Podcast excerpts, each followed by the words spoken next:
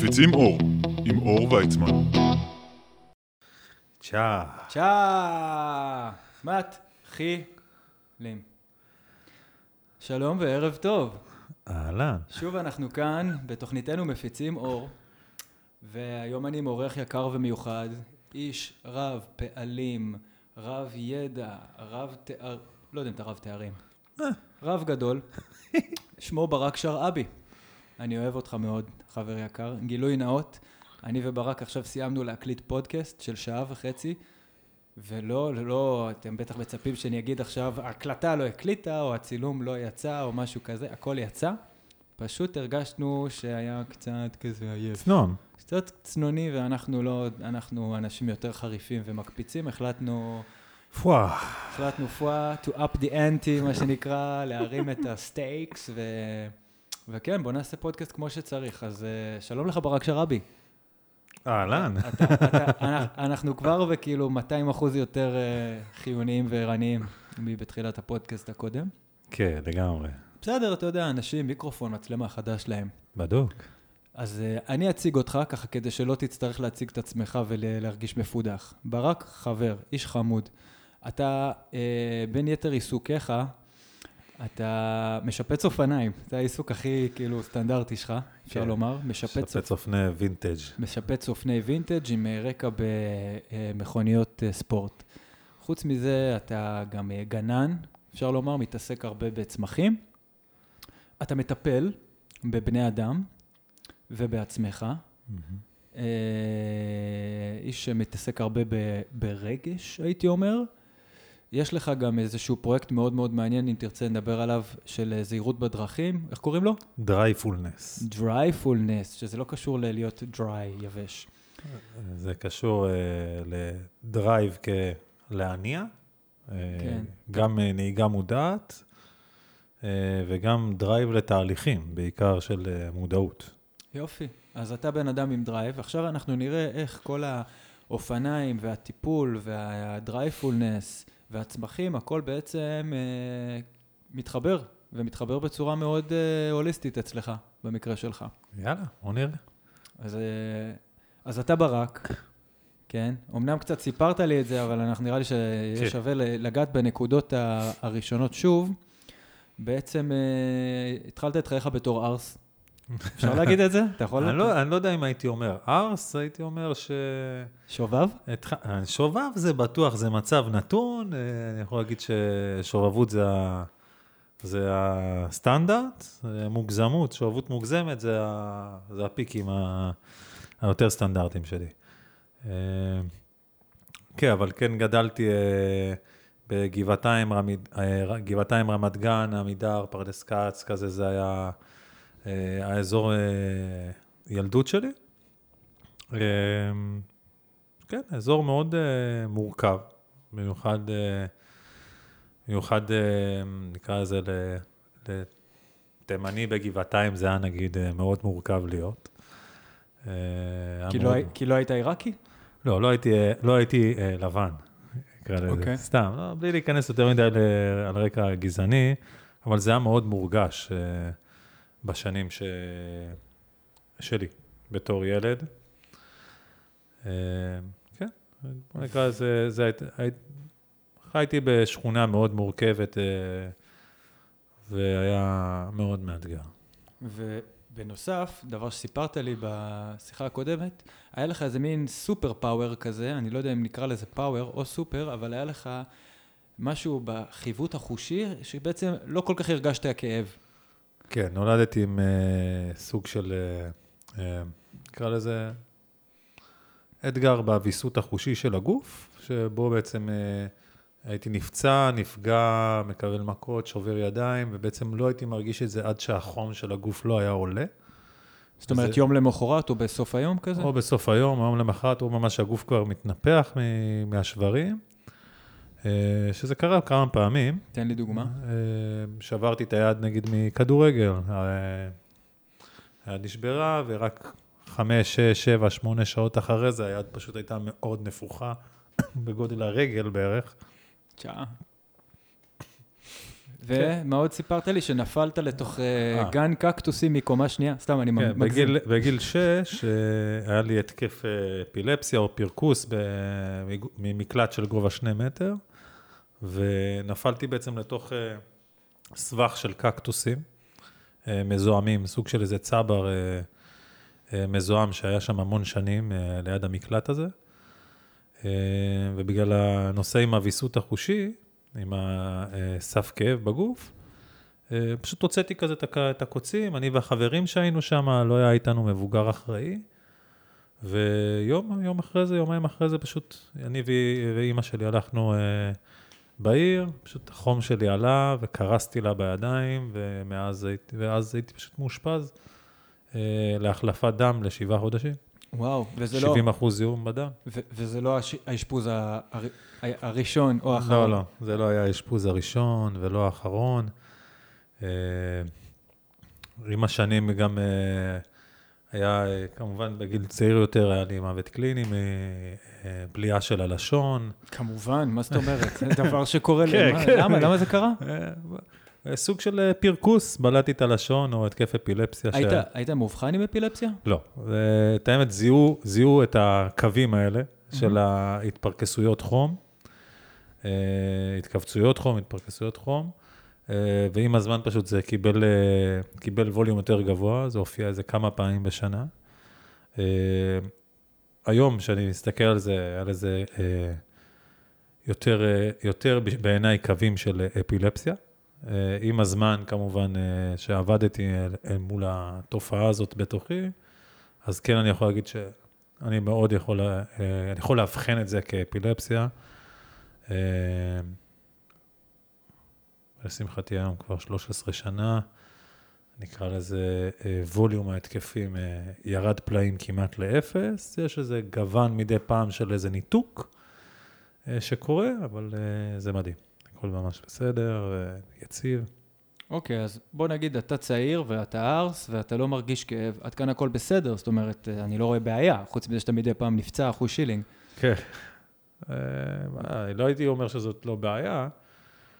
אה, כי אתה רצית להרגיש, והדרך היחידה שלך להרגיש הייתה ללכת אני- למקומות קיצוניים מאוד. אני חושב שזה משהו במערכת של הגוף בצורה מאוד טבעית, אה, רוצה לפגוש את עצמו. ואז בעצם מייצר תנועה כדי להרגיש. אה, מאוד, מאוד היה בולט שהפעולות שבתור ילד, המצבים שאליהם הגעתי, הביאו אותי לאיזה קצה כל הזמן של מפגש עם אה, סף כאב מאוד מאוד גבוה בשביל להרגיש אותי. זה כאילו, הרי הכאב מחזיר אותי אליי. הבנתי.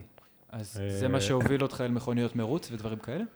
גם אנדרנלין, להרים את סף האנדרנלין. אה, כביכול, בתור ילד לא הייתי נוסע לטיולים שנתיים, או לא, לא יוצא למרחקים, נקרא לזה, בדרך כלל.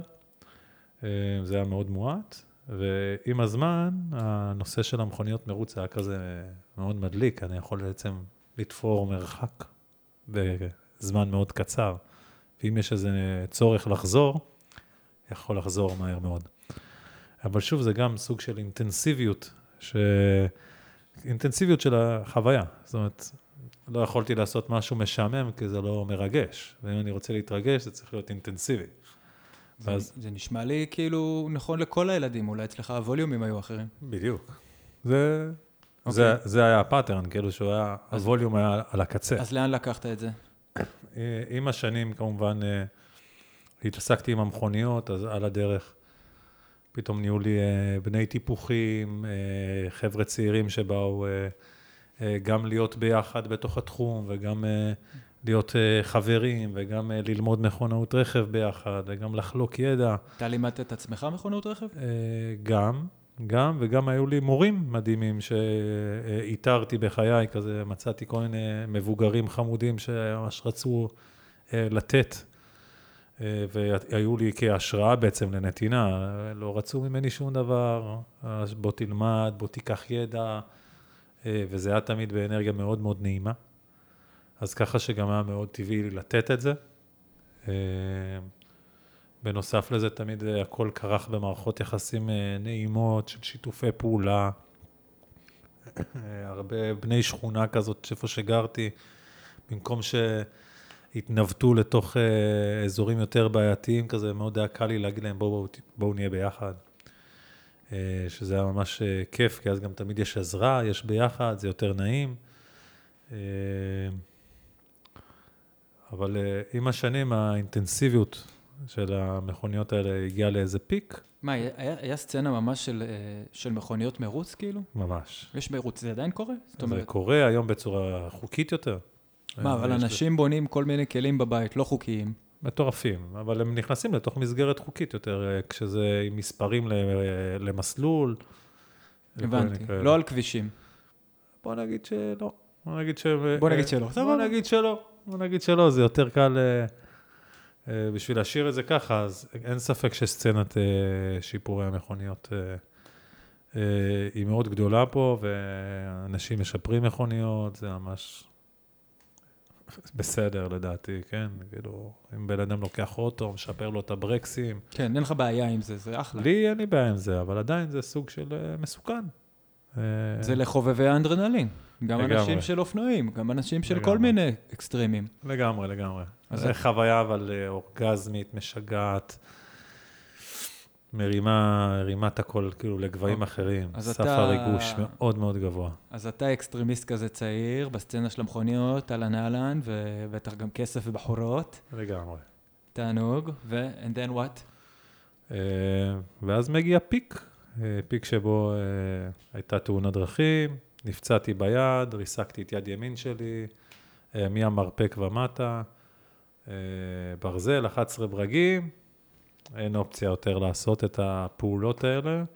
כמובן, בתוך, אחרי התאונה הזאת, אה, גם נפצ... נפצעתי פיזית וגם ספגתי טראומה מאוד מאוד קשה, שממש אחרי הניתוח הגעתי, כאילו, אני יוצא החוצה ואני בחרדת אימים מכל רכב שעובר לידי. אה, פתאום התחלת לנסוע על 20. כן, כן, בדיוק. זה בדיוק מה שקרה. אני והכביש פשוט נפגשנו בתדרים אה, ממש מאוזנים. אה, ואז שחררתי. די שחררתי את התחום הזה, וגם ממש רציתי אה, לנווט, אה, לנווט לחוויה יותר נעימה, כאילו להסתובב עם חרדה וטראומה כזאת. רגע, אבל גזרו עליך שכאילו אתה לא תוכל לנהוג יותר והיד לא תוכל להשתמש בה וכזה? אמ, די היה, די היה שיחה עם הרופא, כביכול המנתח, שליד הולכת להיות סוג של מגבלה, שדי מקבעת את היד כאילו לאיזה צורה שהיא לא ישרה. משהו. זה סוג של כזה דבר, כאילו זה מה, די כיפוף כאילו. וכאילו, ואין מה לעשות. אין מה לעשות, זה כאילו מה שנאמר, אבל uh, מפה ועד uh, לתהליך שיקום שעשיתי, ובו העמקתי גם בלחקור uh, וללמוד על גוף האדם, על המערכת העצבית, על החושים, על uh, לעורר את החלקים של המוח, לגרות את הגוף, לחזור למוטב שלו. גיליתי עולמות שלמים של דרכים לגרות את הגוף. והיום... אז התחלת להתעסק בטכניקות של כאילו, זה לא פיזיותרפיה. לא רק פיזיותרפיה, לא. מה, זה גם יותר ברובד הנפשי? הרוחני, הנפשי, אה, הרבה להכניס את הגוף לנחת, ל- למתוח אה, כל מיני פילוסופיות אה, רוחניות למיניהן, שמסבירות שהגוף הוא אחד, והטבע שלנו הוא להיות מאוזנים ושווים בכל החלקים, ש... וזה פשוט היה נעים להתחיל לפתח חשיבה שהכל שווה בתוכי.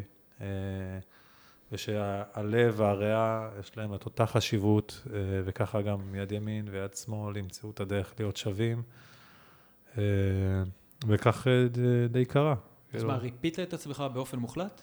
היד שלי מאוד ישרה, ביחס הוא 97 אחוז כאילו של ישורת. ובאת לרופא, אמרת לו, אתה רואה? אתה רואה? את האמת הם די היו בשוק, כאילו, תוך כמה זמן?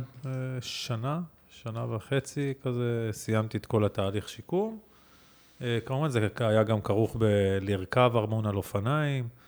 אה, אה, פתאום התחלת אופניים? התחלתי אופניים, כזה די להיות בתנועה בריאה, להוריד את סף החרדה, אה, מלנוע בכלל ליד הכבישים, ליד אנשים, שזה היה תהליך מדהים. החזיר אותי להתקרב לאנשים. בהתחלה ממש חששתי, הייתי הולך כאילו ליד אנשים כאילו פתאום ביום אחד, בגלל איזה. בגלל טראומה נהיית חרדתי, לא היית חרדתי לפני זה.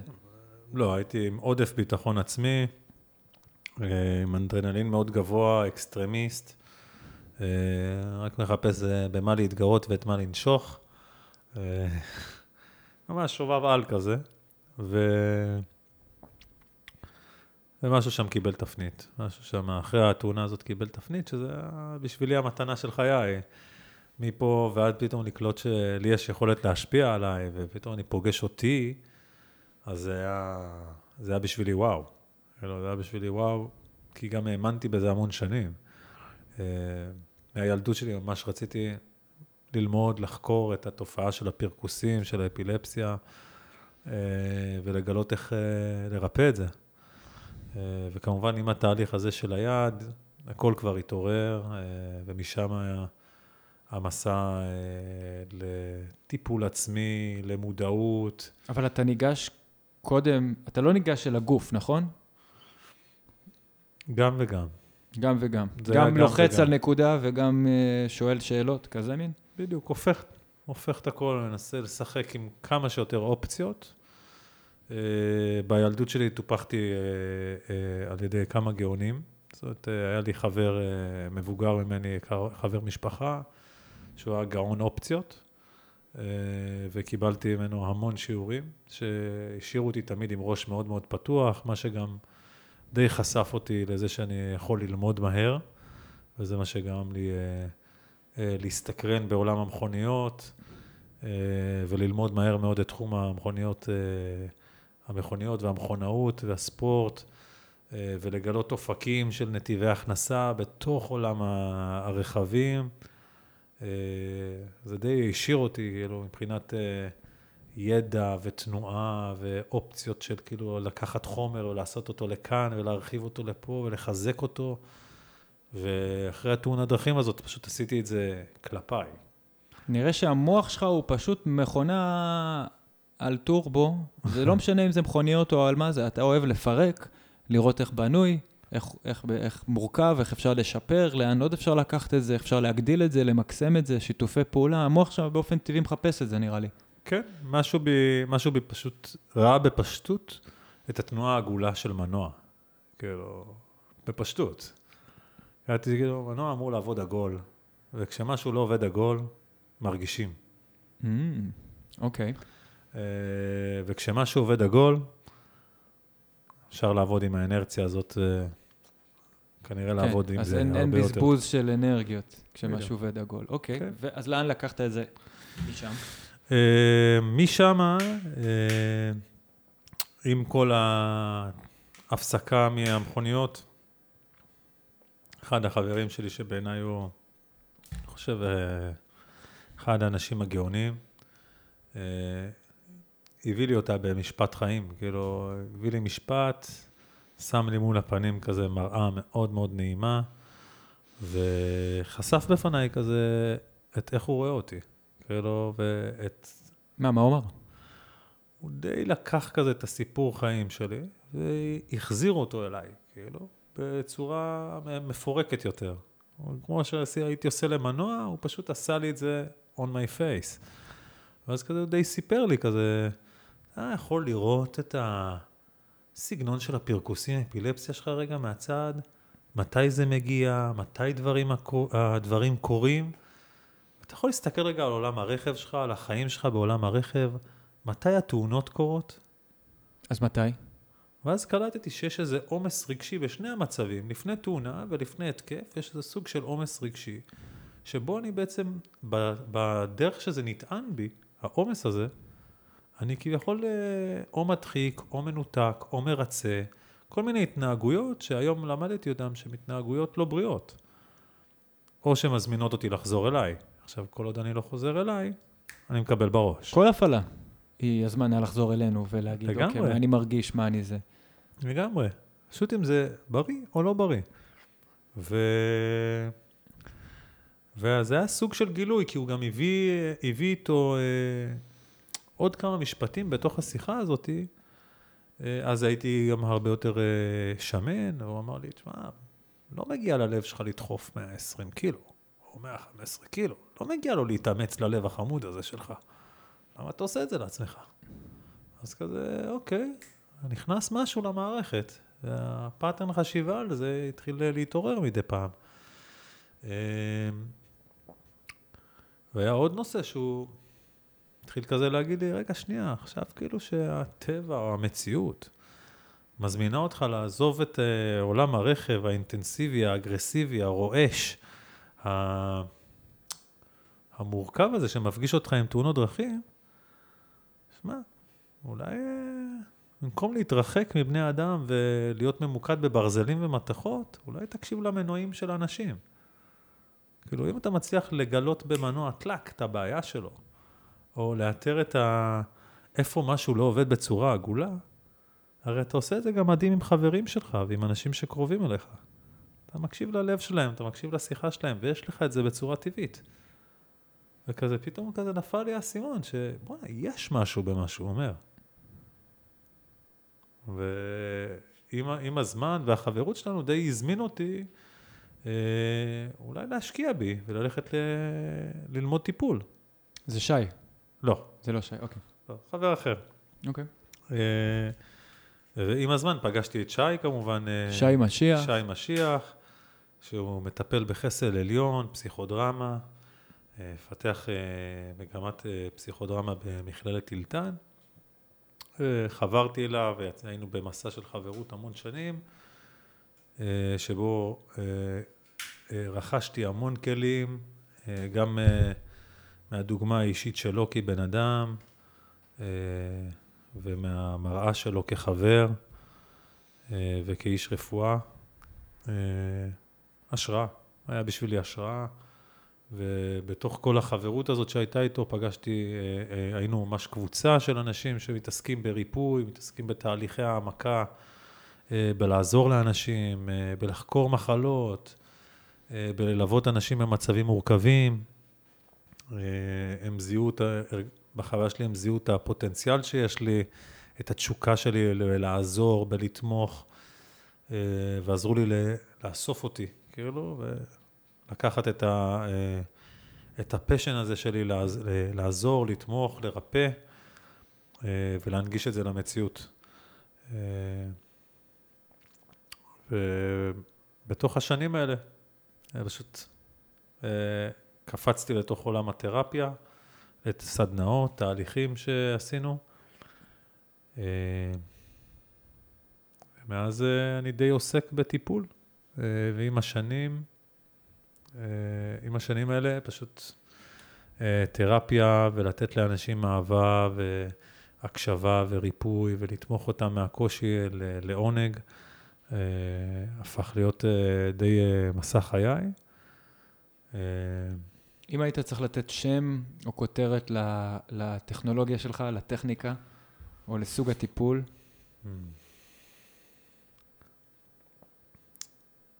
וואו, אין לי, אני לא חשבתי על זה. כששואלים אותי מה, מה אני עושה, אני אומר שאני חוקר את ההתנהגות של מה שמופיע מולי. אז אני די חוקר, חוקר והתנהגות ומלווה לחוויה נעימה. אה, למי כדאי ללכת אליך? אנשים שרוצים, אנשים שרוצים, אה, רוצים שיהיה להם נעים. אנשים שהם מתוסכלים, קשה להם.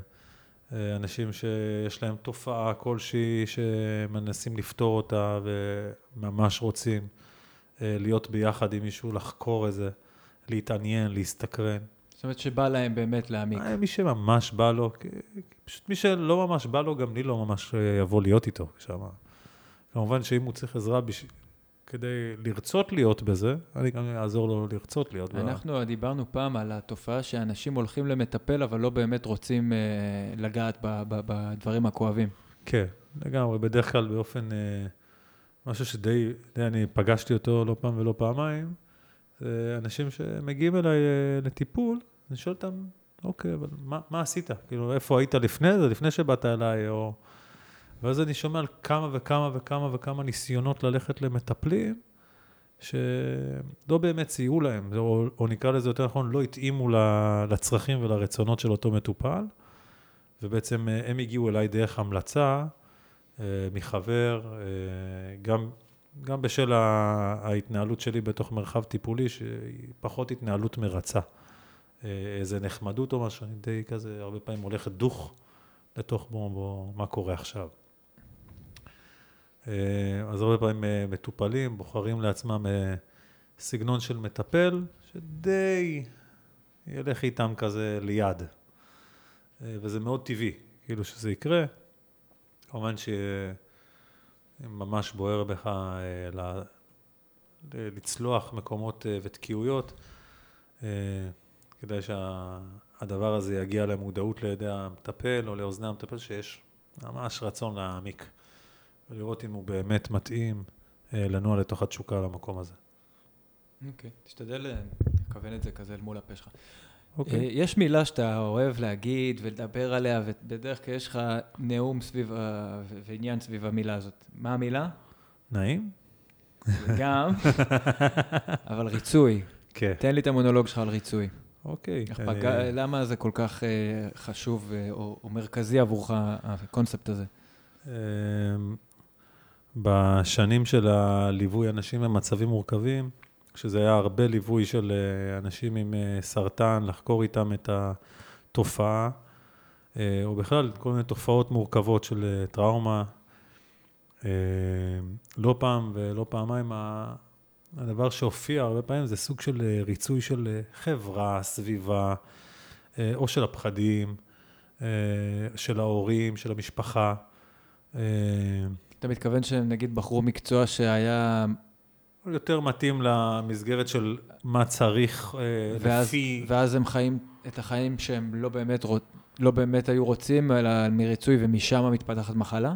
זה הכוונה שלך? לא הייתי אומר שמשם מתפתחת מחלה, אני חושב שהרבה פעמים, זה לא חד משמעית ולא גורף כמובן, כאילו אני משאיר המון אה, ענווה כלפי המסתורים. היה ממש אה, אה, בולט, שאני עושה כדי שיהיה בסדר, מהמם. ולא עושה בשביל שיהיה לי מדהים. אה, אני עושה בשביל אה, שאימא ואבא יהיו מבסוטים, או ככה זה בסדר בשבילם, אבל לא בהכרח מחובר לי לנקודת האמת. אה, חושב וזה ש- לא מספיק. אני חושב, כן, שאנחנו פוגשים אנשים, ברוב, כאילו רוב האוכלוסייה, מסתפקים באיזשהו סוג של בסדר, מצפים לאיזשהו סוג של בסדר, ולא מצפים ליותר, אומרים לך, אחי, אל תרים את הראש יותר מדי, תגיד תודה על הבסדר שלך, על זה שאתה, אתה יודע, יש לך את הקופסה הנוחה שלך, ו, ולא מאמינים בכלל לקיומה של האפשרות שיכול להיות מדהים. מה זה יכול להיות? אמור, אני מבחינתי, שיהיה מדהים, שיהיה מדהים פלוס. למה לא לחיות בשיא הפשן, שיא התשוקה? כאילו, בשבילי זה מדד א'-ב'. בוא נשאל אותך, למה? אתה פוגש אנשים, אתה יודע, למה? מה הסיבה?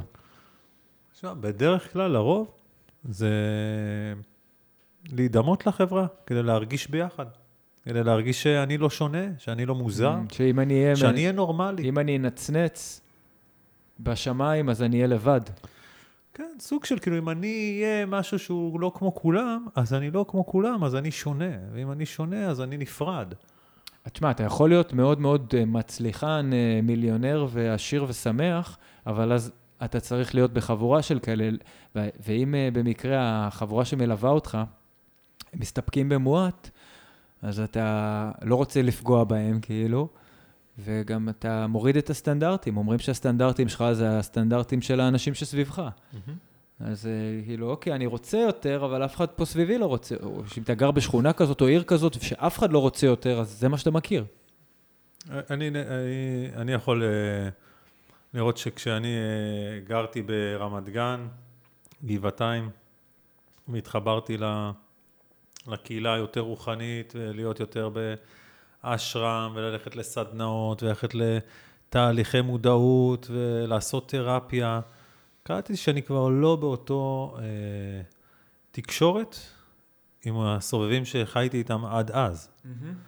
וזה לא אותו, אנחנו לא באותו קו, אבל זה לא אומר שהם פחות או אני יותר. אנחנו פשוט, אנחנו פשוט כבר לא משחקים באותו מגרש. אהבתי שאתה לא אמרת את המילה תדר. אה, לא, לא יהיה רוחניק, יענו, מדי, כאילו. אה, אבל כן, אני מחפש את ה grounding, כאילו, אה, לא, לא, אנחנו כבר לא, לא מדברים את אותה שפה. אני כאילו יותר הייתי בקטע של לדבר מה אני מרגיש, מה אני חווה, לספר את שלי ולא לספר על דברים. ואנשים בכלל היו בסיפורים על דברים אחרים שפחות עניינו אותי, פחות סקרנו אותי.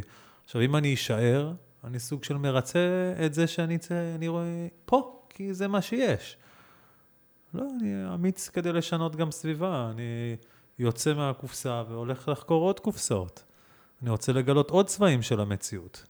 וככה כמובן הסקרנות מתעוררת, התשוקה מתעוררת לעוד גוונים וצבעים של חיים, אה, וכמובן משהו שמאוד פותח.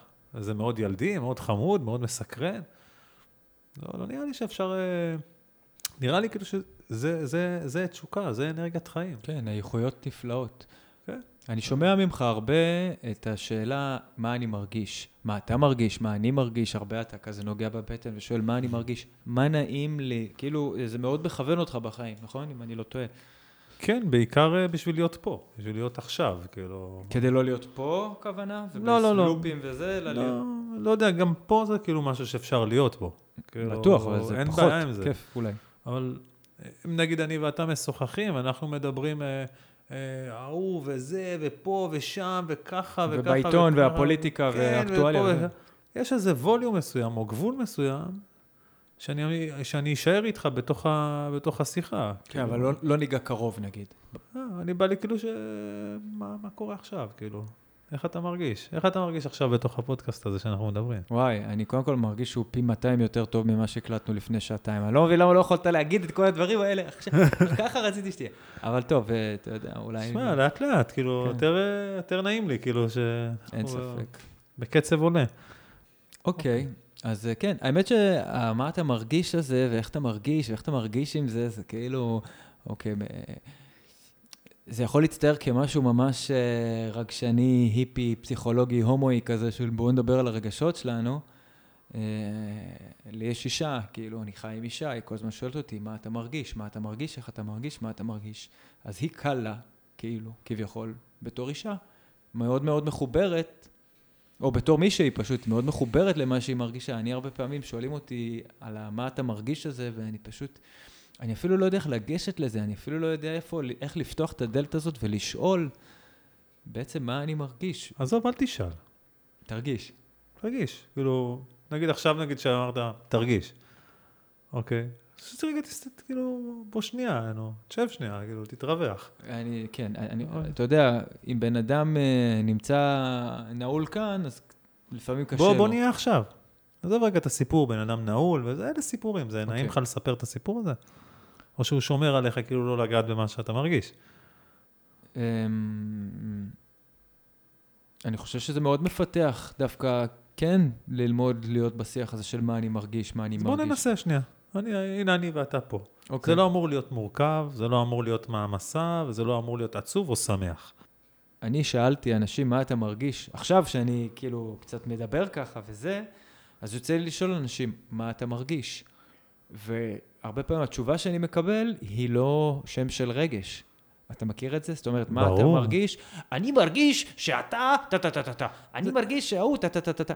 לא, הרגשה זה, מה אתה מרגיש? זה שמח, שמחה, עצבות, תסכול, לא יודע, זה בוא הרגשות. נלך הכי פשוט בעולם. אוקיי. אני, אני מתחיל כאילו, כשאני מעוניין רגע ללכת על הכי פשוט, שזה לא יהיה מורכב, לא יהיה מעמסה, מה אני מרגיש? אני מרגיש פחד, אני מרגיש תסכול, לא, לא, עזוב רגע, עזוב שנייה. בוא נשאל את הכי simple בעולם. נעים, לא נעים. אוקיי, אוקיי, בוא נשאל רגע. אור, נעים לך עכשיו? כן. אוקיי, בשבילי עכשיו אמרת שאתה מרגיש שנעים. לא מורכב. אוקיי, ונגיד אני אומר לא. לא נעים, אוקיי. יש איזה משהו שלא נעים לך, אתה רוצה לשתף אותו? וגם מבחינתי מספיק לי שתגיד שלא נעים לך, אוקיי, תודה ששיתפת. לא אמור להיות big deal, לא אמורים לפתוח על זה שיחה, כאילו, רק שאלתי אותך מה אתה מרגיש. אני אמרתי השבוע לאיזה בן אדם, אה, בלי שמות, אה, תודה ששיתפת. כאילו, הוא אמר לי, שמע, מה שאמרת ומה שעשית ומה שקרה, נורא התכווצתי. ואני לא מרגיש מכווץ, אני מרגיש שמה שאני אמרתי ועשיתי, הכל טוב. אז אני אומר לאותו אדם, וואלה, אוקיי, תודה ששיתפת. והבן אדם רצה לדקור אותי. כאילו, מה, ראית איזה פרצוף עשית עכשיו? ואיזה? תודה כאילו- ששיתפת. מין פרצוף של כאילו, אוקיי, אני לא יודע, אני לא חש כמו שאתה חש, סבבה, אתה חש ככה, אבל, אבל אין לי מה לעשות עם זה, אני לא מזדהה. מדהים. לא מדהים, לא, לא... למה? אני שומע, שומע את החוויה שלך. הוא- שומע את החוויה. קודם כל, תודה שאתה משתף, שאתה מרגיש איתי. תראה, לפני שאני אגיד לו, לפני שאני אגיד למישהו אה, דברים שיכולים ללחוץ לו עוד על הכפתורים, כמו אני לא מתחבר, על זה, אתה לבד בתוך הסיטואציה, דברים שדי מכווצים. או אתה מדמיין, או זה אה, רק, לא, זה זה רק לא בראש שלך, זה זה- כן, זה לא. הייתי נותן לו קודם כל כמה חיזוקים חיוביים, כי כרגע הוא שיתף אותי. אז קודם כל, אם אני אומר לו תודה, קודם כל תודה שאתה משתף. ממש נעים לי שאתה מרגיש פתוח ואתה לא הולך עם זה לבד. וכבר יש בו משהו שעושה שאני ואתה ביחד. וביחד זה כבר נעים. קודם כל, אחי, תודה. תודה שאתה משתף, תודה שאתה מרגיש בנוח לבוא אליי, להגיד לי לנו את החוויה הזאת, וואלה. אני ארגיש את הדברים שאתה אומר, אני, אני אמדוד עליהם. אתה יודע איזה ערך נתת לשיתוף הזה? לא אומר לך לא, לא אומר לך כן. כן, אמרת לי מקודם שעצם זה שבן אדם מרגיש שהקשיבו לו לרגע, זה כבר 70 אחוז רפואה. כן, רגע. או 80 או האוטומט 90, שלי, זה אני אומר משהו, כאילו ישר, אני לא מרגיש שייך, אני לא מרגיש, אני לא... אה, ישר שמת אותו לבד בתוך החוויה. עכשיו, לא מאשים אותך ששמת אותו לבד, זה מאוד טבעי. כן, זה, זה טבעי שמישהו מספר לך על החרא שלו, ואתה כזה, אחי, עזוב אותי מהחרא שלך, בוא תסתכל איזה יופי פה. כן, עזוב, תודה אחי, קודם כל שאתה משתף, אני... תודה שאתה מפנה גם אותי לתשומת לב, אני ארגיש את זה. אני ארגיש את זה, אני עוד לא כל כך יודע אה, לקבל כל כך את מה שאתה אומר, אני עוד לא, אני צריך לעכל את זה רגע. מה, איזה ביחד כרגע נתת לו? כן, אה? איזה ווליום. לא, זה, זה, זה, זה נהדר, זה מקסים. השפה פשוט, שהיא שפה של ביחד, היא שפה של שותפות, היא שפה של קרוב וערכי ומשמעותי. וואלה, חתיכת עניין. זאת אומרת, לא משנה עכשיו מה אתה מרגיש, נעים, לא נעים, חרא, לא טוב, תדע שאתה בסדר, שאני איתך. אני איתך. קודם כל, תודה, אני מקבל את מה שאתה אומר. שמעתי אותך, מקבל את מה שאתה אומר. שמעתי אותך, ראיתי אותך. ראיתי אותך, וואלה. אני רואה שזה לא קל בהכרח לשתף, או, או אה, בטח היה לך לא קל כאילו לחוות את החוויה הזאתי. צריך, אה, צריך להרגיש את זה. אחי, אני אומר למישהו שאני צריך להרגיש את מה שהוא הפנה אליי כרגע, זה חתיכת עניין. זה חתיכת מתנה בשבילו.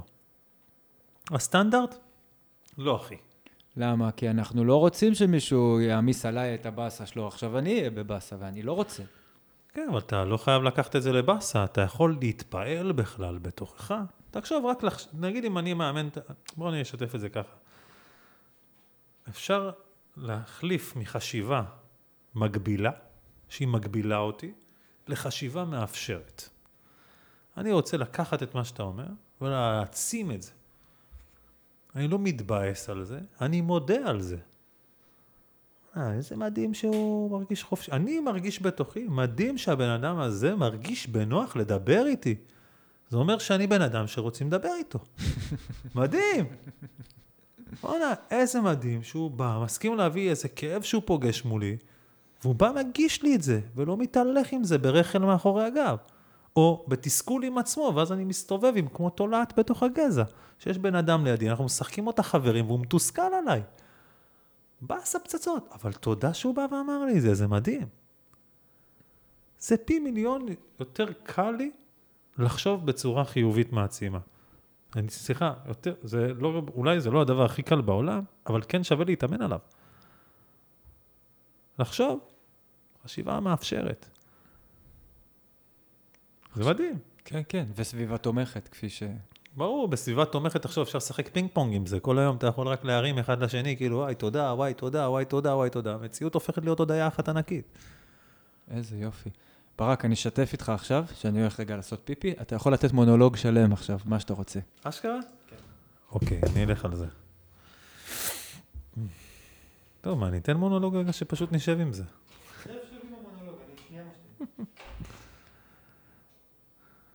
טוב, אז בזמן שאור הלך אה, לשירותים, אה, אז בהקשר למה ששיתפתי אותו כרגע, אה, יש, יש את הדפוס הזה של חשיבה מגבילה. שבה בעצם הכל הופך להיות מאוד מוגבל, לא, אני לא יכול, לא, זה לא נעים לי, אמרו לי, עשו לי, אני מפחד, אני מכווץ. אה, ואז יש גם הזדמנות אולי לפתוח לחשיבה אה, מאפשרת, חשיבה שאומרת איך אני יכול לקחת את זה, איך אני יכול לראות בזה את הטוב, איך אני יכול אה, לאתר בזה את האופציות, איזה הזדמנויות לדמיין, לפנטז, איזה הזדמנויות זה מביא לי לחיים. אה,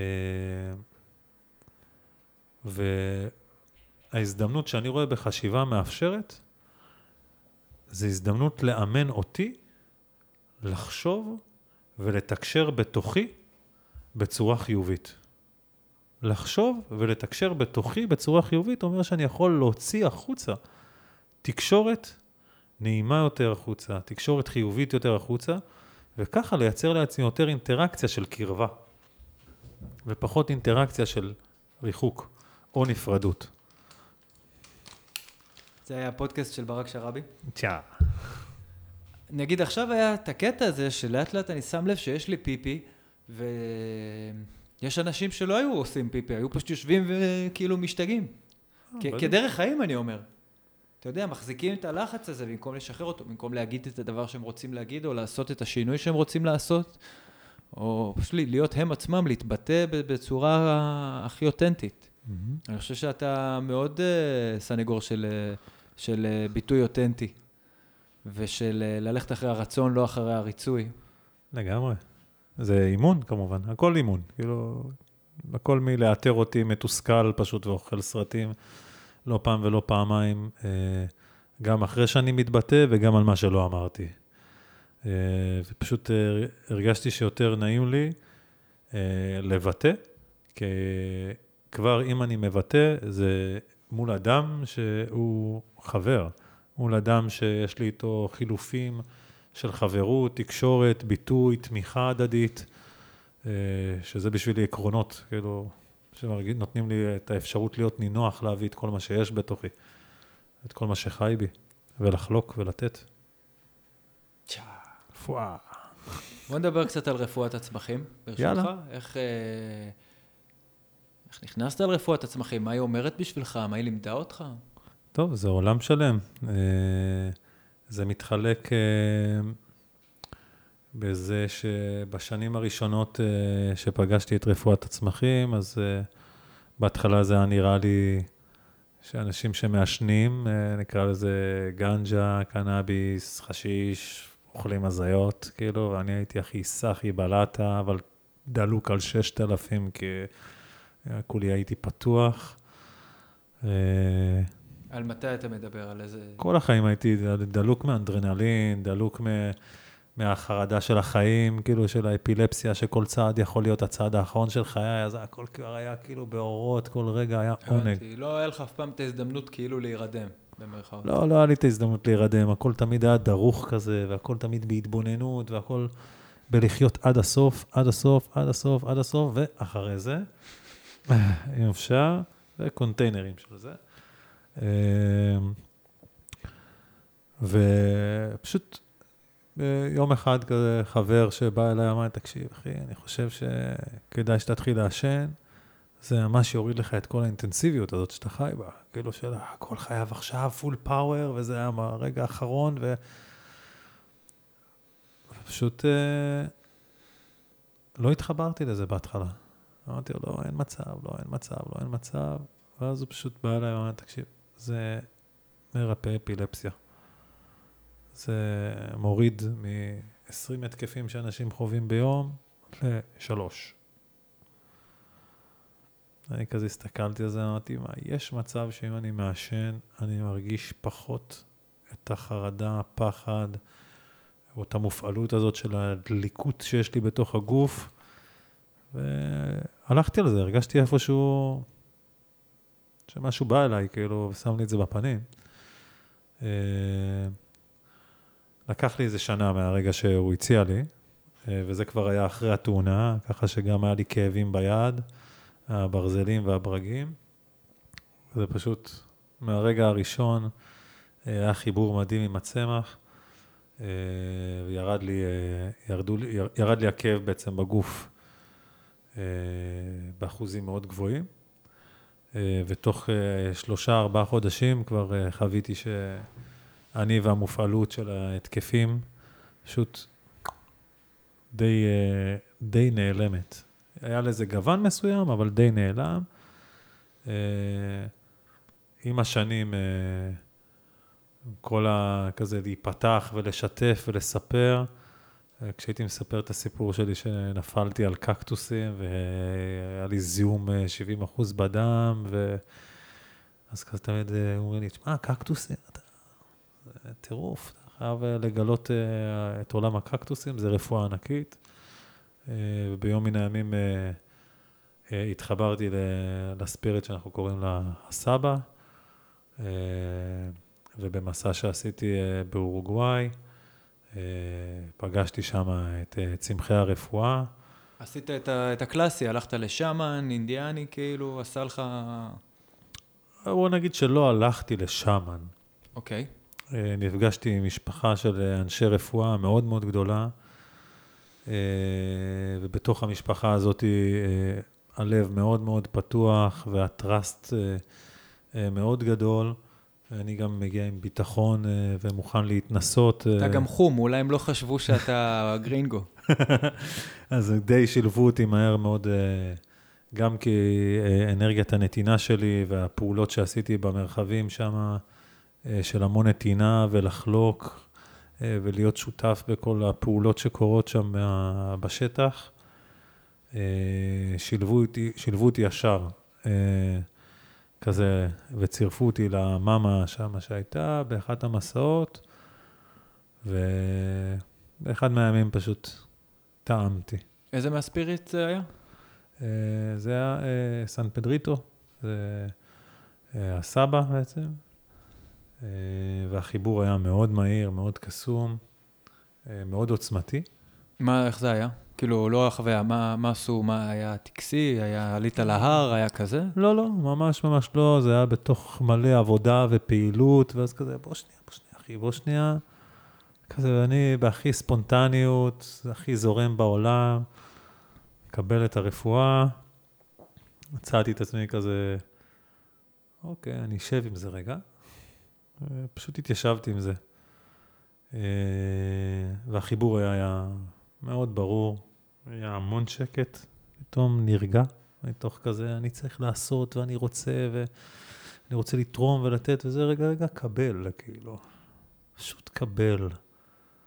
התיישבתי לי במקום, היופי נפתח בעיניי, ראיתי אותי, ראיתי את, החיים, ובשבילי לראות את החיים ולראות אותי שזור בתוכם בצורה כל כך יפה, רק, מזמין, רק הזמין אותי עוד לפעול מתוך היופי, אה, שדי אה, מלטש את חיי, כאילו, לפעול מתוך היופי, מתוך הנתינה, כמו שנתנו לי בצורה כזאת קלה ונעימה ואוהבת. אה, אה, אהבה. זאת אומרת, בשבילי פשוט נתנו לי ככה, חלקו איתי, חלקו איתי חיבור, חלקו איתי אה, מהקסם של הבריאה, אה, ועם המון המון הודיה. אה, המשכנו לעוד אה, מסעות שם, ואחד הדברים שהיה שם זה פשוט, פשוט להיות. פשוט כן, אה? ממש זה דבר, להיות. דבר כל כך פשוט שכל כך קשה להסביר למי שלא פשוט חווה את השקט והסטטיות הזאת. קשה לי להסביר אין את זה. למה, אני הרגשתי שהמקום שאני נמצא בו, זה המקום שבו אני צריך להיות. וכל תזוזה תפריע לרפואה להגיע. כאילו הרגשתי שאני על הצינור, כרגע יש צינור של רפואה שזורם אליי, תודה, אל תזוז. זה מה שחוויתי, וגם המרחב ממש תמך את זה. כל מה שהייתי צריך הגיע אליי, ראיתי את השקיעה, ראיתי את הזריחה, זה היה עונג העונגים. וזאת הייתה חוויה מאוד, אה, מאוד מרפאה. חזרתי מאורוגוואי אה, 74 קילו, שזה היה להיות אה, צנים. עליתי למטוס, אני חושב, אה, 105, 107 קילו. 30 קילו הורדת באורוגוואי? כן. על דיאטה של... אה, אה, של שקט. היה בעיקר שקט. ואז אה. פתאום אתה לא צריך לאכול כל כך הרבה, לדחוף סתם בשביל כן. לדחוף. כן, כן, ממש, כאילו לא היה צורך בכלום, כי הטבע ממש תמך, והיה גם מה לעשות. פתאום הבנת שהאינדיאנים הפרימיטיביים הם מגה מתקדמים. הם לא היו אינדיאנים, מה הם? היו אורוגוואים. פשוט אנשים מאורוגוואי ומכל העולם שהגיעו וחברו לקבוצה אחת קסומה, שפשוט, בפשטות מאוד אה, מיוחדת, אה, נתנו אהבה. פשוט אבל הם לא מהטרדישן, הם בעצמם... אף אחד מהם לא היה איזה נוצה על הראש. הבנתי. אף אחד מהם. וגם לא... זה? כאילו... לא, לא, לא, שום דבר מהוואו וואו וואו, יאנה וואנה, כלום. פשטות. בגלל זה אפשר פשוט להיות שם בשקט. יש המון המון שקט והמון רגש. המון רגשות, אני הרבה פעמים יכול לחוות פשוט כאב מאוד מאוד עמוק, פשוט להיות איתו בנעימים, ובחמידות כזאת, עם חצי חיוך, פשוט כל הלילה להעביר בהתבוננות על הכאב הזה, וואו, הוא וזה מספר כאב. שלך שהיה שם כבר, כן, נכון? כן. רק פוגש אותו. כן, מדהים, ובשביל לתת לו את כל הלילה זה ברכה גדולה. כי אחרי זה הוא עוזב אותך. לא יודע אם הוא עוזב, אבל לפחות היינו ביחד. מהמם, גם הכאב לא רוצה להיות לבד. כן, ברור. מה הוא מבקש אם לא אהבה? רוב המדיסינות, רוב הרפואות העתיקות אה, מפגישות אותנו בתכלס עם עצמנו, אה, עם הפנימיות שלנו אה, העמוקה, בדיוק כמו הסגנון הזה, והטבע. והטבע. ועכשיו, בגלל שבדרך כלל זה קורה במעגל, אז היא מפגישה אותנו לא רק עם עצמנו, אלא עם עצמנו שנמצא בכל אחד שמולנו. אז יכול להיות שמישהו שיושב מולי יחווה חוויה מאוד שונה מזאת שאני חווה, אבל עצם זה שאני יכול לראות אותו, הוא כאילו משקף לי אותי בעוד איזה פאזה. אני חושב שזה גורף לכל המציאות. כן, נכון, זה פשוט איך שאני לא מסתכל על זה, יותר מובהק. כן, כן. ב- חד משמעית, זה יותר עוצמתי פשוט. ביום יום אתה יכול לברוח מהשיקוף הזה. Mm. תוך הקשבה עולה אהבה. ו- שם הפרק. מתוך הקשבה עולה אהבה, וזה, אה, זה לדעתי אה, עוגן, עוגן לכל מסע בחיים שאתה מתעורר בבוקר אליו. כל מסע שאתה קם, אה, כל רגע שאתה קם בבוקר, אתה בתוך המסע של החיים, בוא נהיה בהקשבה. וואי, הקשבה. אתה, כן, אתה אומר הרבה את המילה הזאת, מילה שבאמת נכנסה אליי לחיים, ביחד עם אלמוג, ביחד איתך, בזמן האחרון. או מהקשבה. אתה יודע מה יפה? 2020 זה שנת ההקשבה, בגלל שאף אחד לא יודע מה קורה, אף אחד לא יודע מה יקרה. אף אחד, אנחנו אפילו, על איך שהמציאות כרגע קורית, אנחנו לא מצליחים להסכים, או, אתה יודע, בגדול. וכל התוכניות שהיו, למי שהיו לו תוכניות, הרבה מזה כאילו עף עם הרוח. אז אני לא היה לי תוכניות, כי אני גם ככה מראש, אני כבר איזה עשר שנים מחכה שהכלכלה תקרוס, המדינות יקרסו, הפנסיות, כאילו לא האמנתי בזה, המערכת חינוך, תודה שהיא קורסת, תודה. אני לא אומר שילדים צריכים לשבת בבית וכל יום לאונן מול המסך, אבל איזה מזל שהמערכת החינוך כפי שהיא קיימת, היא כבר לא קיימת. הגיע הזמן. הגיע הזמן, אז, אז הרבה התבטל, אז הישן כבר לא קיים, יש אנשים שעדיין כאילו אוחזים ואתה יודע, מחכים שנחזור לאיזושהי שגרה, כנראה זה לא יקרה. ו... אז שוב, אז אני מברך על כך. אז מה נשאר לנו חוץ מפשוט להקשיב? אה, יש גם להקשיב, נשאר לנו גם להתענג, אחי. אם יש משהו להתענג עליו, אתה יודע. כן. אה, כשאני אומר להקשיב, זה כאילו, אז מה עכשיו? כאילו, מה אני עכשיו? מי אני עכשיו? מה אני אעשה היום? חשבתי שאני אהיה כזה, חשבתי שאני אהיה ככה, חשבתי שאני ארצה את החברה בזה שאני אהיה עורך דין, או צייר, או בעל עסק, או פה פה פה פה פה. ואז כאילו כל זה, טרפו לך את כל הקלפים, מה עכשיו? עכשיו מקשיבים. ומתוך הקשבה עולה אהבה, כפי שאמרת. לא רק, מתוך הקשבה עולה, עולה אמת, עולה כאב, עולה... נראה לי זה מה שאתה עושה בתור מטפל, לא? אתה מקשיב ל- למה שהבן אדם אומר, אבל הוא לא שומע את עצמו. אתה מקשיב למה שהוא לא אומר, אתה מקשיב לבין המילים, אתה מקשיב לפאטרנים. מהמם, לגמרי. לגמרי, ממש. מרתק. זה, כן, לדעתי זה זה מאפשר. זה מאפשר ל... לאהבה להגיע. לדברים להיות כמו ש... כן, לדברים להיות כן. מה שהם רוצים להיות. כן, ממש, הכל ממש בסדר. כאילו, גם כשזה לא כזה בסדר. אה, פשוט בוא נראה איך אפשר אה, לתת לזה את מה שצריך. מה הבקשה, מה הצורך. שיהיה נעים סך הכל. אז אנחנו דיברנו על אה, זה מקודם, שאלתי אותך איך אתה רואה את התקופה שקורית סביבנו, ואתה אמרת, תשמע, אני לא יודע, קורונה כן, לא, הדבר שמאוד ברור לי, שזה זמן של ביחד. וככל שיותר אומרים לנו, אל תהיו ביחד, ככה אני בתוך עצמי מרגיש מאוד מאוד איזה כמיהה לביחד. שאני מסכים במאה אחוז. הביחדים רק נהיים עוד יותר אמיתיים ונעימים וקרובים ואינטימיים ומחוברים ככל, ש, ככל שאנחנו מ, מבינים כמה זה חשוב לנו בכלל הביחד הזה. כמה פתאום אנחנו רוצים את זה. כמה אנחנו מעריכים את זה, כמה אנחנו זה, כמה זה חשוב לנו, מגע, מבט עיניים, לשיר ביחד, להתחבא, כל הדברים שכאילו אסור, לשתף. כל מה שאסור עכשיו, כאילו, זה בדיוק הרפואות שאנחנו צריכים. לדעתי זה המדיסין הכי חזק שיש זה, לנו. וזה מדהים שאנשים אשכרה קנו את הפרוגרמה הזאתי של אל תיגע, של אל תתחבק עם סבתא, של אל תיגע בי, אל תתקרב אליי, אל תחבק אותי, תעבור לצד השני של הרחוב, ואנשים שרע להם וצריכים חיבוק, לא מוכנים שיתקרבו אליהם. לא להאמין, האבסורד זה- הזה. זה אנושי שיהיה גם וגם. זה ממש אנושי, תראה, זה די הגיוני, כאילו, בצד אחד יש את זה שמלמד אותך מה לא להיות, כאילו. יש אחד שמלמד אותך מה כן, כאילו, אני יכול לראות אותו כזה, ההוא בוחר, אה, ההוא בוחר אה, לשמור ולהתרחק ולהתבודד, והוא נראה כמו צנון, תשמע, עם כל הכבוד, אני מעדיף כאילו להיות שמח, מעונג, עף על החיים, ואם אה, יקרה משהו שיקרה, אבל תן לי לחיות. אני איתך, אחי. אני- כל, כל עוד נותנים לנו לבחור בעצמנו, ולא אומרים כן. לנו שאם אתה בלי מסכה, אז כאילו לכלא, או קנס, או אבל... אלימות, אה, או כזה. כן, אבל בח... כמו שאמרתי גם מקודם, אין לי מושג איך להתנהל לי מול הקורונה הזאת, חוץ משאני אתנהל כמו שמרגיש לי נעים. בא לי להיות ביחד, בא לי להיות קרוב, ותן לי את זה הרבה. אה, תן לי להרגיש, תן לי להרגיש את הביחד הזה. עד כה זה פשוט, אה, התקופה הזאת גרמה להמון מהחברים שלי פשוט להתפנות מכל הבלבלה של המציאות, ולזכור מה חשוב. ופשוט להיפגש, כן. פשוט, אה, זה מה שקורה, וזה ממש נעים.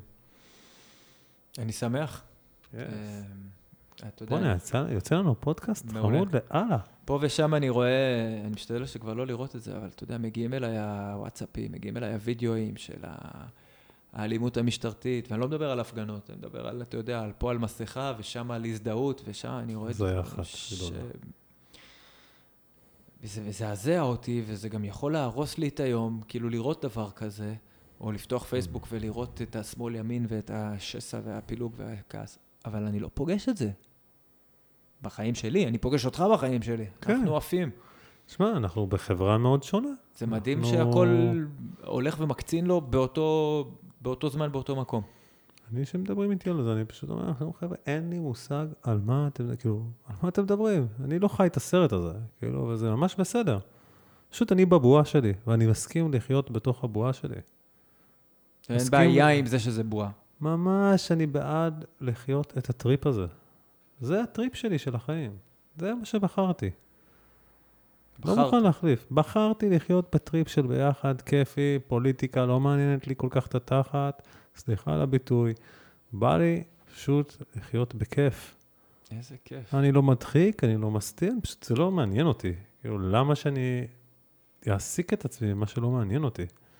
למה שאני אעשה משהו שאני לא מעוניין? תשמע, אם זה לא פוגש אותך, אם זה לא דופק לך בדלת או עוצר אותך ברחוב, אין סיבה. בול.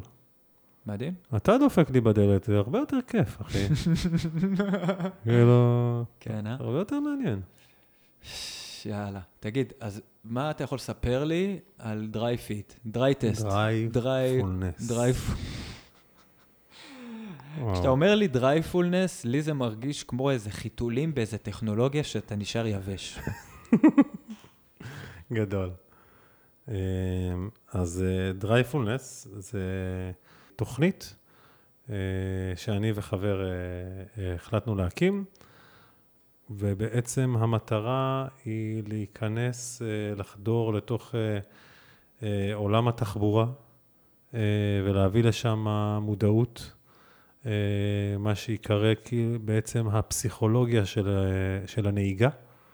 אנחנו נביא בעצם אה, את כל הכישורים אה, לחברות ותאגידים לנהיגה בריאה, חסכונית, כדי לעז- לתמוך ולעזור בהוזלת אה, בלאי של הרכבים, אה, מניעת תאונות דרכים, ושנהגים יהיו בעלי מודעות. אה, מודעות למה קורה להם בעצם.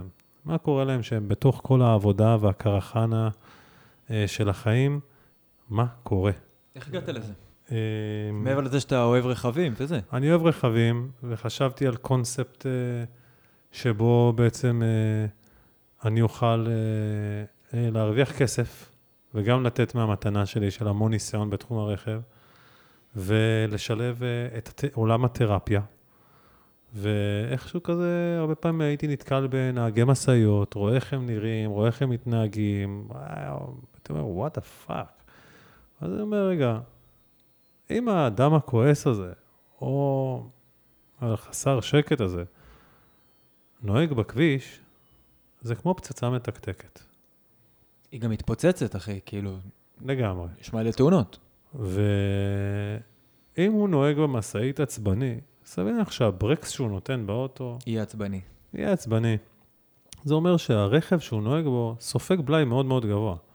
זה the least of the problem, אחי, זה הבעיה הכי אני קטנה. אמרתי לעצמי, אוקיי, זה גם, אה, זה גם יכול לעזור לעולם אם פחות תהיה בלאי והחלפת חלקים. וואלה, כן, אבל פחות תאונות יותר יעזור אפילו. גם.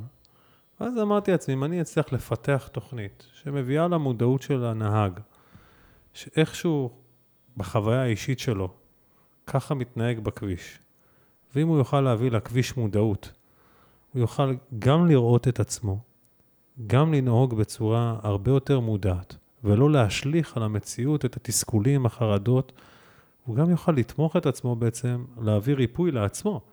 ולא להסתובב מעבודות של עשר שעות על הכביש עם אה, כעס, תסכול, חרדה, פחד, אה, עומס, לחץ, שכל הדברים האלה מגיעים לכביש, אה, זה מביא איתו את העומס, אה, תאונות, וכמובן מפרה לנו מציאות של אה, נהיגה לא מודעת.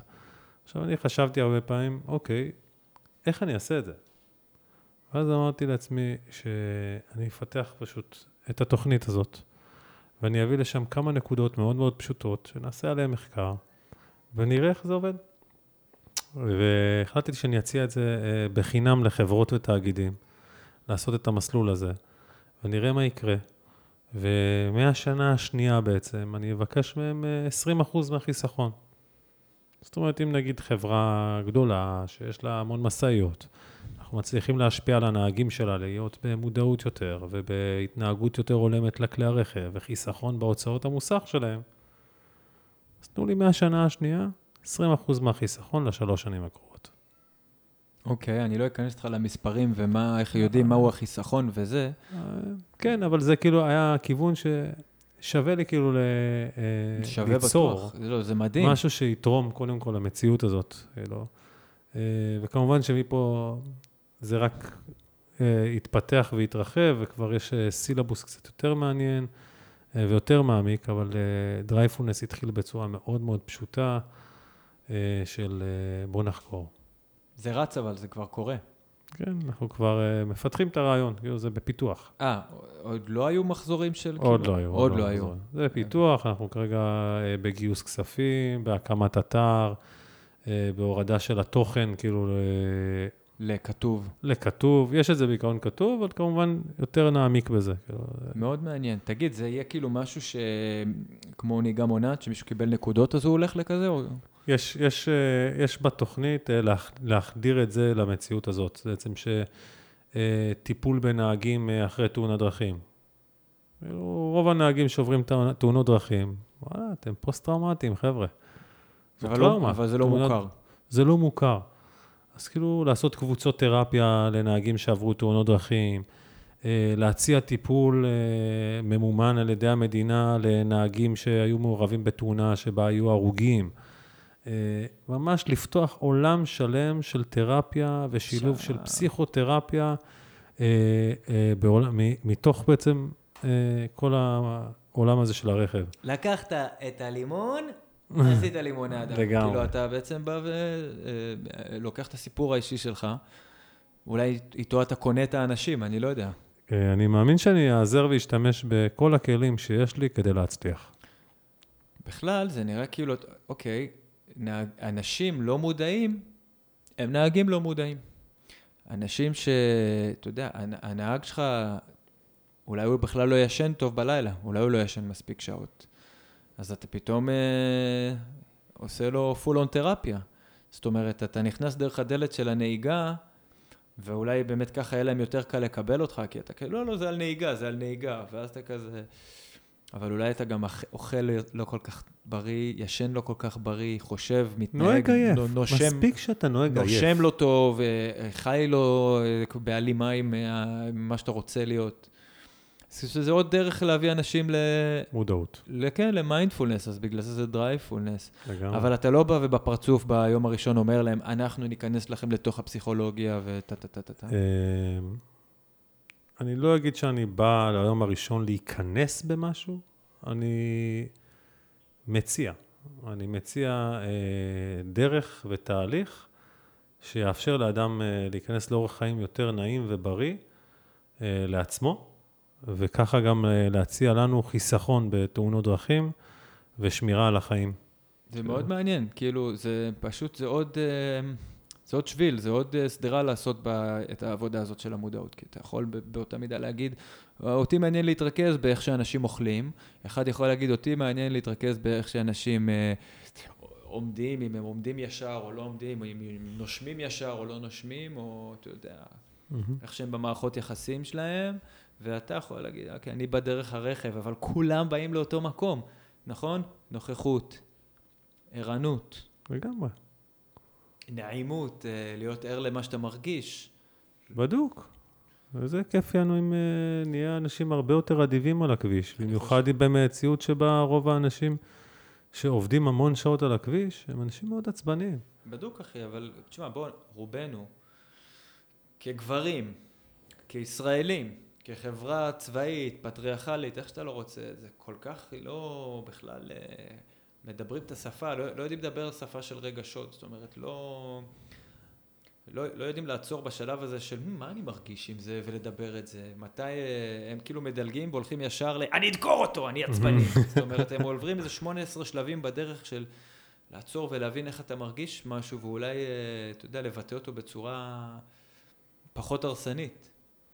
כן, אני חושב שיהיה, אותי, אני מאוד סקרן לראות לאן אנחנו ניקח את דרייפולנס. אה, דרייפולנס אה, תציע גם אה, תהליכים ל, למודעות. זאת אומרת, היא תציע drive לתהליכי מודעות בנושאים שאנחנו נאתר, שחברות ותאגידים לא בהכרח שקשורים לרכב. אנחנו נעזור להם לאתר את הצללים בחברה, את מה שהם לא רואים בעצם, ואז להביא לשם מודעות. אה, אחד הקורסים האינטרנטיים שאנחנו נציע, הוא לכל נהג בעצם שמוציא רישיון.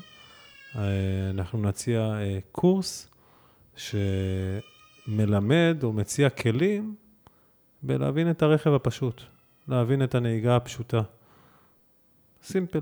גם להבין, כאילו, ברמה המכנית קצת, גם ברמה המכנית. שאנשים קצת ידעו, אני מרגיש שאנשים, וזה כולל אותי, יש להם רכב, הם לא יודעים כלום, כלום, כלום, כלום, כלום, כלום. יודעים לשים דלק, לא יודעים שמן, לא יודעים מים, לא יודעים מנוע, לפתוח מכסה מנוע, להגיד מה זה פה, מה זה שם, מה זה השמן הזה שנוזל לי, מה ההבדל בין מהמם. השמן הזה לשמן ההוא. דרייפולנס תציע ממש אה, אה, סרטונים אה, שמראים החלפת אה, גלגל בצורה נכונה ובטוחה אה, ומקטינה נזקים אה, שיכולים לקרות דרך החלפת גלגל. אה, היא תציע אה, דרכים איך לבדוק שמן, מתי. אה, היא תציע אה, איך אה, להסתכל על הרכב לפני שנכנסים לרכב. היא תציע המון המון דרכים וואי, להתבונן. בדיקות קנייה, מה לבדוק כשקונים. וואו, זה חלום, חלום. זה עולם. גם נתיב של אה, עסק שחשבתי עליו המון שנים, אבל אני חושב שכרגע אני מתמקד בתרפיה. בדוק. אה, אני חושב ששם המתנה שלי והצבע שלי אה, מאוד בולט. כן, גם מה שיפה זה שהיום הכל הוא תרפיה. כל, כל דבר יכול להיות תרפיה. תרפיה בפודקאסט עשינו עכשיו. כאילו, לגמרי. למה לא? איזה יופי, בוא'נה, תשמע, קודם כל אני מה זה מבסוט אה, מכל הדברים שאתה מספר. צריך לחשוב איך הופכים את הדרייפולנס למשהו שהוא טיפה יותר מזמין וסקסי מ... אתה יודע, עוד קורס נהיגה מונעת שכולם שונאים ללכת אליו. לגמרי. כאילו, אם היית בקורס נהיגה מונעת, ואני בטוח שהיית, זה מין עונש כזה, כמו בתיכון, שפשוט אה, רוב האנשים שנמצאים שם מחכים שיגמר. אה, כדי להעביר את הזמן, חלקם משתתפים יותר, משתתפים פחות, ואז מגיע המבחן הזה, ואת המבחן הזה אי אפשר להיכשל בו. הם לא ייתנו לך. אשכרה. אתה, אני, אני, אתה אני תעבור, חושב זה מה שזה... שנקרא חייב לעבור בצבא. כן, אני חושב שדרייפולנס זה, זה תהליך שבן אדם ירצה לעבור. אני חושב שלרצות במודעות, אה, ומי שיגיע, אה, יגיע מתוך רצון. אין, אין פה איזה נושא של כפייה. אני מאמין שנדע, אה, היכולת שלנו לתקשר אה, או לשווק אה, את הצורך אה, אה, לתהליך הזה. אה, יהיה מאוד, מס... אני סקרן לראות אה, לאן נגיע עם זה. אני ממש סקרן, זה חלק מההשקעה העיקרית שלנו. אוקיי, פואה ושואה. אז uh, היינו בה ביחד, היינו בלהרגיש, ובנעים, ובדרייפולנס, והאנדרנלין, ונעימות שהייתה לאורך כל הדרך, uh, אני חושב, החץ המאיר בחיים שלך. יש עוד איזה משהו שהיית רוצה להתייחס אליו, לפני שאנחנו פה הולכים uh, לבדוק למה הילדה בחוץ בו- בוכה? בא לי רק להגיד תודה. אה, היה ממש נעים, נכון? ממש כיף לתקשר. הנה, גם אנחנו, הנה, למדנו היום שאפשר לעשות משהו שיצא ככה ככה, ואז לעשות אותו שוב, והוא ישתפר. ואולי הפודקאסט השלישי יהיה בכלל תעופות. יאללה, בוא נ- גם בוא נקליט את השלישי. נעלה לשתי כפיות. יאללה. תודה רבה, ברק שרבי, המתוק אחד. כל טוב לכם. ביוש.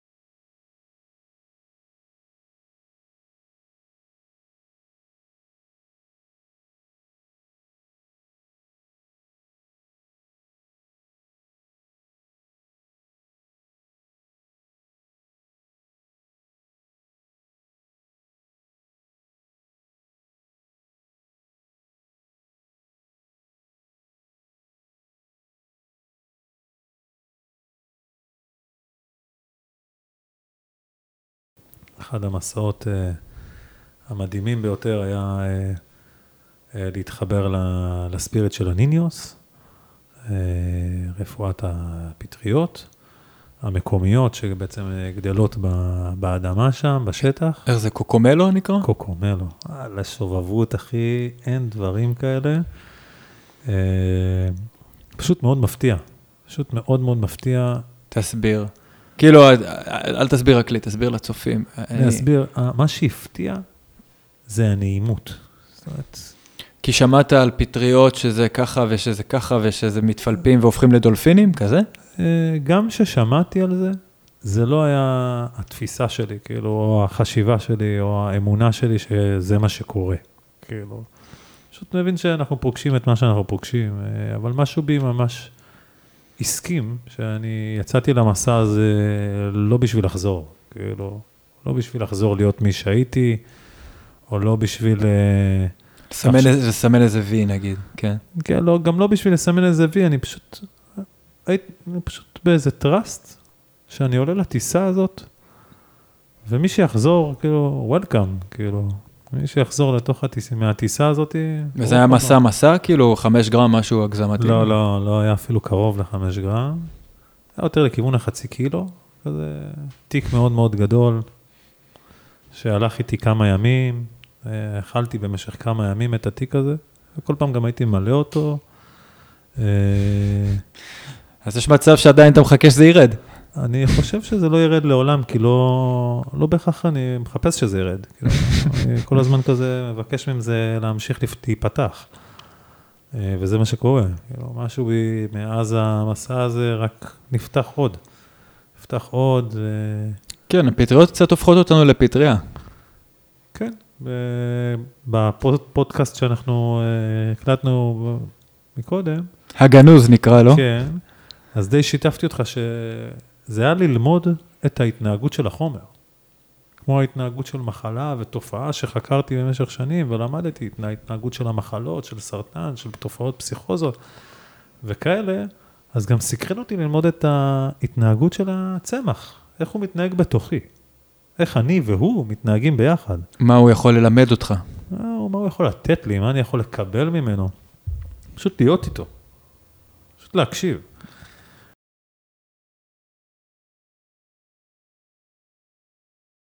כן, אני חושב שמה שתמך את הלהיות בשקט אה, פנימי מאוד עמוק, זה ה- הסבא. הסבא פשוט נונשלנט, קסום כל כך, פשוט הושיב אותי מתוך כל החשמל שהיה.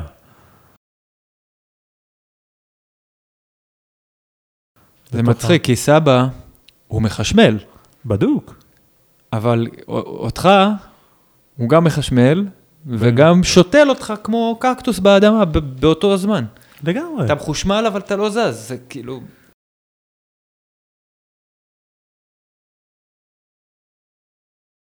רגע, ערבבת סבא וניניוס? בטח. וואלה, כן, איך הם אה, עובדים ביחד? מדהים.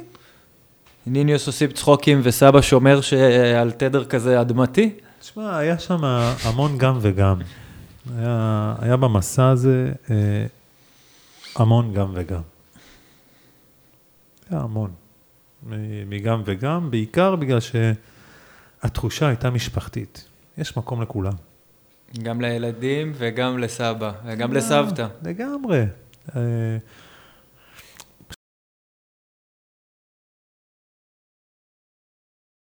פשוט קסום לראות ששום דבר לא בא להפריע.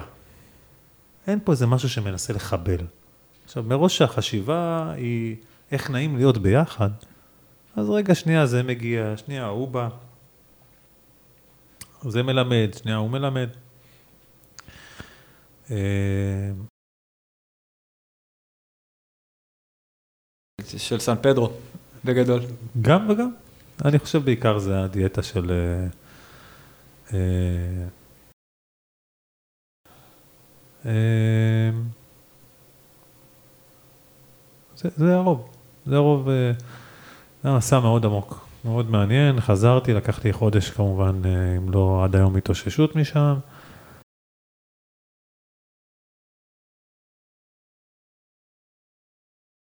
אה, מסע מאוד מעניין, שלימד הרבה על ביחד, שיתופי פעולה, נתינה, משהו שמוביל עד היום, כאילו, אני חושב המון עוגן בחיי זה פשוט לתת ולהיות ביחד, לאהוב ולתת רפואה, לתת לאנשים מרחב, בואו בוא נעבוד ביחד, בואו בוא נעשה שיהיה נעים. יפה, ממצה. סבתא הייתה גם איתך שם במסע ההוא? לא. לא, שמה זה לא היה... סבתא, למי ששואל, אה, זאת האיוואסקה, שהיא... היא קקטוס? לא. היא לא. תערובת של אה, צמחים. אתה רוצה לעזור לי פה עם הידע הטכני? ג- אה, גזע גפן ועלים. גזע גפן ועלים. אין לי את זה בבית, אז אני לא יודע את המתכון בדיוק. אה, היא... אם להיכנס ל... אני לא יודע, אני חווה אותה כי היא הרבה יותר אה, לפרצוף. הרבה יותר, כל הרגשות בחוץ, כל החרא שלך בחוץ, כל המחשבות שלך בחוץ, הכל כזה, אין, אין, אין סיכוי שאתה תחזיק איזה משהו מולה. היא פשוט תפרק אותך, בקטע הכי... זה ממש אינדיבידואלי. כן? ממש. ממש. אני תמיד חווה אותה מאוד אוספת, מאוד רכה, מאוד כאילו נעים, מאוד וואלה. בתוכי, מאוד עוצמתי, אה, מאוד אה, לפורסה, מאוד לעוצמה. ו... וכמובן כל זה אינדיבידואל, כל אחד המבנה אישיות שלו והמבנה שלו להתמודד עם איך שהוא מתמודד עם דברים. אני הרבה פעמים אה, קורה שאני מבקש רגע, את יכולה לגזור אותי רגע?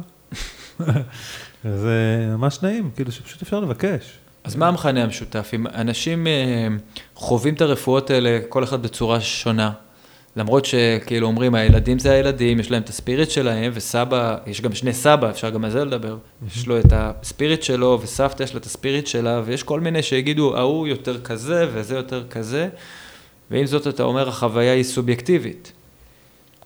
לגמרי. יש קווים, יש קווים.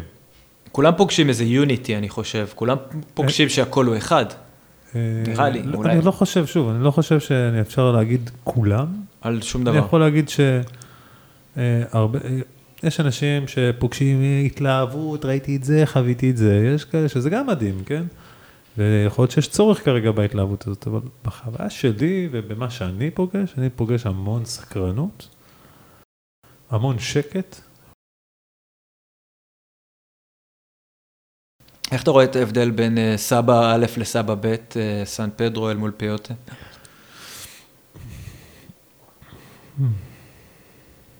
חוץ מזה שאחד עגול ונראה כמו בולבול והשני יותר נראה כמו ציצי, לא יודע. אה, לא יודע להגדיר את איך שהגדרת, אבל אחד מרגיש לי מאוד על האדמה, סבא הנמוך, הוא מרגיש לי מאוד על האדמה, יש לו מבנה יותר של אה, אור, לא, לא קליפה כמו הסבא הגבוה, אה, הוא יותר אה, עובד למרחב, יש לו רגישות מאוד עמוקה, מאוד לה- להכל. מהמם.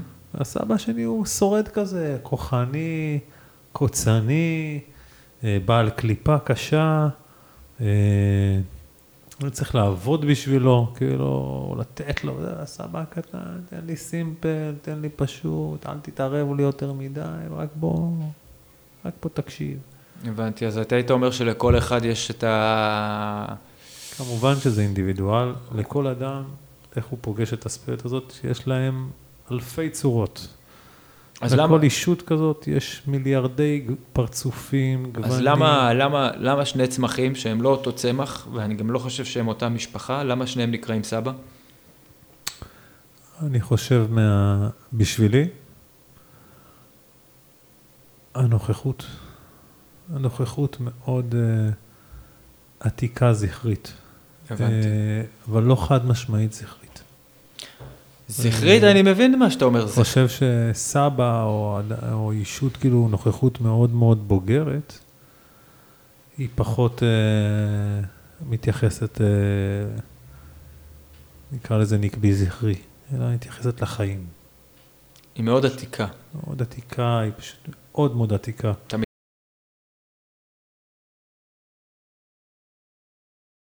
Mm. סבא לא נות... המדיסינות לא נותנות לברוח, לא נותנות לך... לה- יושב בתוך תנועה של... מה זה לצאת לטלפון או כזה? כן, בתוך, ה, בתוך המרחבים האלה, המבנה אה, שם אותך מאוד מאוד ברור אחד מול השני.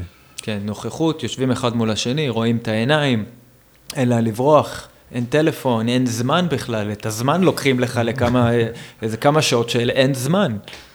יש כזה, כמו תינוק. מרתק, אני מודה הודיה גדולה על, ה...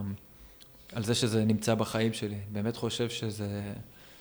זכות גדולה. זה זכות גדולה וזה גם, אתה יודע, הרבה אנשים מגיעים לשם מתוך, חלק מתוך חקר אמיתי להגיע לתוך עצמם, או קראו ספר של קרלוס קסטנדה, וגם חלק מגיעים אחרי איזשהו מסע של פארטי פארטי כזה. אז הם היו בפארטי, והיו בסמים כאלה, ואז היו בסמים כאלה, ואז היו בכאלה, ואז התחילו